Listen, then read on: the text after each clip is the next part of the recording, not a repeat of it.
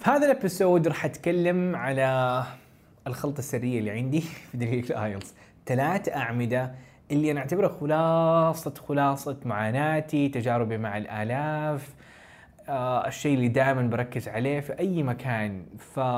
فاذا أنت فهمته أنت فهمت اللعبة. فهمت إنك كيف تقدر تختم ال IELTS وال English وكيف تيجي توازن بينهم بالضبط عشان تقدر تجيب وتتخلص من ال IELTS بأسرع وقت ممكن. ف عبارة عن فيديو so سويت so نزلته قبل فترة. فيديو كان رهيب. فانا قلت لازم أشاركه عندك. تحديدا إذا كنت كذا قاعد يعني عشان تقدر توفر وقت أنت قاعد تسوقه في مكان ثاني فحيكون حاجة إن شاء الله قوية. ليك let's jump into it. السلام ورحمة الله وبركاته. يا أهلا وسهلا بكم guys معكم عبد الرحمن حجازي وهذا الفيديو صراحة اتكلم عن هذه الثلاث أعمدة لأول مرة بشكل جدا مفصل بشكل جدا عميق. راح حرفيا يقول لك باختصار إيش أهم شيء المفروض تركز عليه أو إيش هي الثلاث أشياء المفروض تركز عليها. وصدقني إذا ركزت عليها وازنتها راح تجيب ال IELTS في في سرعة قياسية جدا. مشكلتنا مع ال IELTS إنه نسمع إنه ال IELTS صعب. ال IELTS يعتمد على الحظ لازم تختبر كثير اختبر مرة أو ما حتوصل للدرجة لازم تبتعث. كل هذه الأمور ليش؟ لأنه واحد يقول لك ترى تعرف أنا ذاك ست سنوات واختبرت ال IELTS ودرجتي كانت أول خمسة ونص وبعد ستة لسه خمسة ونص. ليش؟ ليش تشوف ناس أشياء محبطة؟ لأنه قاعدين نركز على الشيء الغلط، قاعدين نركز على grammar ما له حاجة ما حتيجي، كلمات AWL اللي ما حتقويك إلا قد كذا، ف ما قاعدين نركز على الاشياء المفروض نركز عليها. ال IELTS اللي يركز عليها بشكل مرة مو طبيعي. فالأعمدة الثلاثة هذه اللي حنبدأ فيها صراحة هي زي أعمدة حرفيا وسميتها أعمدة لأنه عندنا مشكله نوعين من المشاكل. يا إنك قاعد تركز على حاجة ما هي موجودة أصلا في الليستة إنك تقول لا أنا حركز على vocabulary أو أنا حركز على idioms هذه ما هي من الثلاث الأعمدة. ما هي تطوير لغه ولا هي تكنيكات ولا هي تدرب على اختبارات تجريبيه فهذه أول خطأ. الخطأ الثاني إنك تركز على عمود وتنسى الباقيين. تركز على تطوير اللغة تمارس اللغة تبتعث تجلس في معاهد ست سنوات وتختبر IELTS. حتتحطم لأن ال IELTS ما هو فقط عبارة عن لغة حتى لو لغتك رهيبة نسمع ناس يقولوا أنا لغتي مرة حلوة أنا دخلت وابن عمي لغته مرة رهيبة دخل IELTS جاب ستة أنا كيف يمديني أصلا أجيب السبعة أو سته ونص مثلا؟ فلأنه هم كانوا مركزين على عمود واحد بحسب إنه هذا حيكفيهم that's not gonna work فثلاث الأعمدة اللي حتكلم عليها لازم تقسم مذاكرتك عليها باتزان في كل الأقسام في الاستماع تركز الثلاث أعمدة في القراءة ثلاثة كتابة محادثة توازن بينهم بشكل مرة كويس. والاعمده الثلاثة هذه ما هي كذا حاجة اخترعتها وخلاص لا حاجة حرفيا خلاصة معاناتي وأخطائي اللي سويتها في البداية ركزت على اللغة بس واختبرت وعانيت. ف خلاصة تجربة مع في ثلاث سنوات من ثلاثة في ال IELTS إلى ثمانية وكمان مع شغلي ومساعدتي لي فوق ال آلاف شخص جاب الدرجة مو مو مو عدد subscribers وشيء زي كذا ناس حرفيا مشوا معي من الصفر وشفتهم حققوا درجة خلال الآخر خمس سنوات. 10000 شخص. ف something حرفيا خلاصة وخلاصة. آه ويلا نبدأ. العمود الأول في ال IELTS ممارسة اللغة. لاحظ ما قلت تطوير اللغة ما قلت حفظ الكلمات ما قلت قلت ممارسة اللغة. باختصار إنك تمارس اللغة. طيب يجي سؤال طب كيف أمارس؟ أنا ماني ماني في أمريكا وبريطانيا وماني في معهد. مشكلتنا إنه نحس بممارسه اللغة عبارة عن محادثة. تتسد إذا تسأل أحد إيش كيف تمارس الإنجليش؟ تكلم معاك. أو أتكلم مع أحد يتكلم إنجلش. واذا ما معي أحد يتكلم إنجلش أنا ما حيمديني أطور لغتي ابدا لأنه ما يمديني أمارس لأنه ماني في أمريكا ما في ناس يتكلموا معي إنجلش. ونحسب إنه هذه نهاية الحياة وخلاص. أنا في الإنجلش خلاص وقفنا. المشكلة هنا إنه الانجليش كلغة أو أي لغة ثانية منقسمة على أربع مع أربع مهارات الاستماع القراءة الكتابة المحادثة.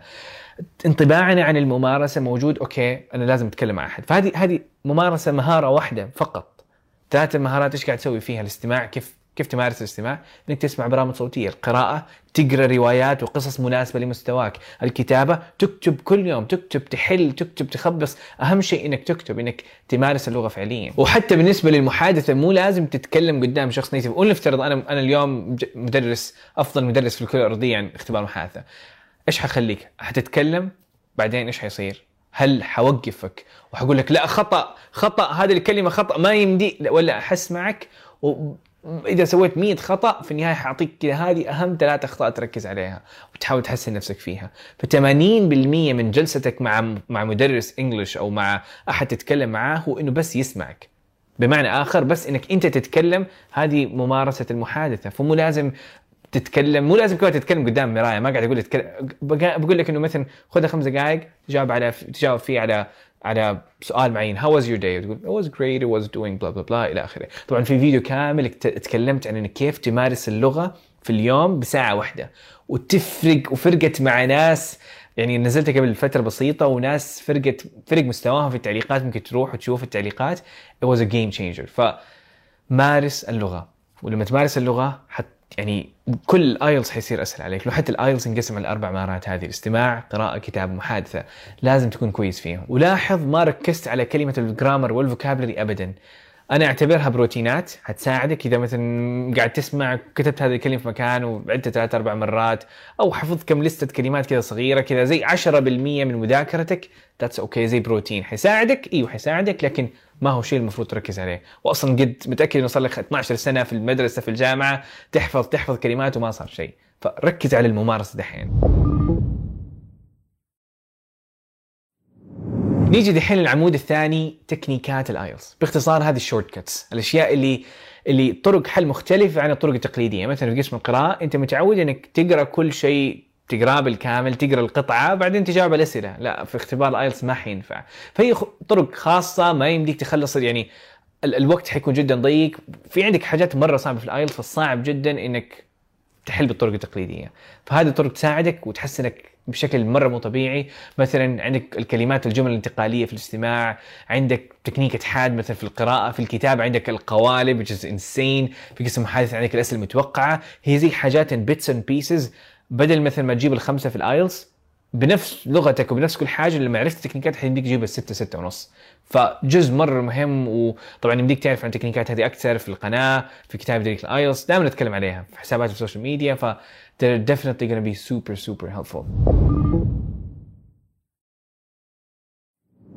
في العمود الثالث يركز على إنك فعلا تطبق هذا الكلام وتخليه على أرض الواقع والاختبارات التجريبيه باختصار هو زي كأنك دخلت الاختبار الآيلت الحقيقي. نفس الصعوبة نفس الشيء لكن الشيء الوحيد عندك إنه أنت في بيتك ويمديك تتعلم من هذه الأخطاء. فأنا بالنسبة لي زي إنه تكنيكات حلو. تخليني طوال حياتك أنت قاعد تروح مشي. أول مرة أعطيك دراجة أقول لك ترى الدراجة اختراع جدا جميل حيساعدك إنك توصل للمكتب أو الجامعة بشكل أسرع. آه، أول مرة حتسوق إيش حيصير؟ حتكون أسوأ بكثير. وتقول إيش هذه أسوأ اختراع ممكن وخطير على الإنسان وممكن يكسر لي عظامي وزي كذا لكن بعد ما تتعود على كم يوم أول مرتين ثلاث مرات حتكون أسوأ حاجة في الكرة الارضيه حتتعب ومدري إيش. اليوم الخامس تقول oh my God that was much better فعلا كلامك عبد الرحمن كان صح. فنفس الشيء الاختبارات التجريبية تعودك على التكنيكات تطور لغتك تتعلم من أخطائك في نفس الوقت. انت just gonna be game changer. قد ما قد ما تدربت أكثر وأنا دائما أقولها إذا دخلت الاختبار بدون سبع اختبارات تجريبية أنت داخل حظ. سبع اختبارات تجريبية في الاستماع والقراءة والكتاب والبحث لازم لازم لازم تسويهم. عشان تكون فهمت التكنيكات صح قدرت تعرف الضغط الاختبار صح. وترى معظمنا كمان يعني أنا من الناس اللي مثلا أصدع لما مثلا أذاكر لفترة طويلة فوق الثلاث ساعات ما يمديني أصدع تماما أطلع من الاختبار ويكون أحس إن مخي ينفجر تماما.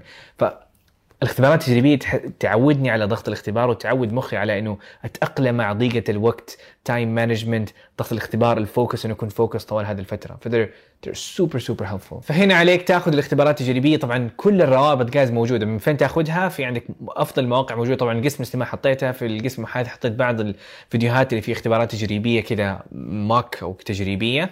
آه للمحادثة. وكمان عندك رابط تحت انك تاخذ في اختبارات تجريبية كاملة ومجانية. طبعا كتب كامبريدج من أفضل المصادر لكن كتب مرة غالية ومدفوعة معظم الأحيان. فعشان كذا يعني دائما أحب أذكرها لكن عندنا بديل كويس اللي هو الموقع الموجود تحت. هذه بالنسبة للثلاث أعمدة اختبار الـ IELTS ركز على تطوير لغتك من خلال الممارسة تكنيكات الـ IELTS تدرب على الاختبارات التجريبيه وازن بينهم وصدقني مستواك الـ IELTS من هذيك العقدة اللي تتوقع ممكن تاخذ سنة سنة سنة ونص تحتاج ستة سبعة ثمانية أشهر. لا الموضوع حيكون عبارة عن أسابيع بسيطة أو أشهر بسيطة شهر شهرين ويكون الموضوع دن ركز عليها فعلا كلام خلاصة خلاصة. أتمنى إنك تكون استفدت من الموضوع أتمنى أوضح لك أشياء كنت ممكن متوقع إنها تكون غلط أو تقول لا عبد الرحمن ما ذكر علامات ترقيم لأن هي فعلا ما هي مهمة. صح إنها جزء من مثلا قسم الكتابة لكن هذا ما هو الشيء اللي أبغاك تجلس مثلا 100 ساعة عليه. ابغاك تركز على هذول الثلاثة وفعلا راح تفرق معك بشكل مرة كبير. متحمس جدا اسمع الفيدباك حقك. هل في شيء جديد؟ هل في حاجة فعلا وضحت ليك ما كانت وضحت قبل كذا أو تبغاني أركز على جزئية معينة؟ وأي سؤال وأي خدمة أنا موجود آه، في الخاص على تويتر أو الإنستغرام تحديدا. وآخر حاجة سبحانك اللهم وبحمدك. اشهد ان لا اله الا أنت استغفرك واتوب اليك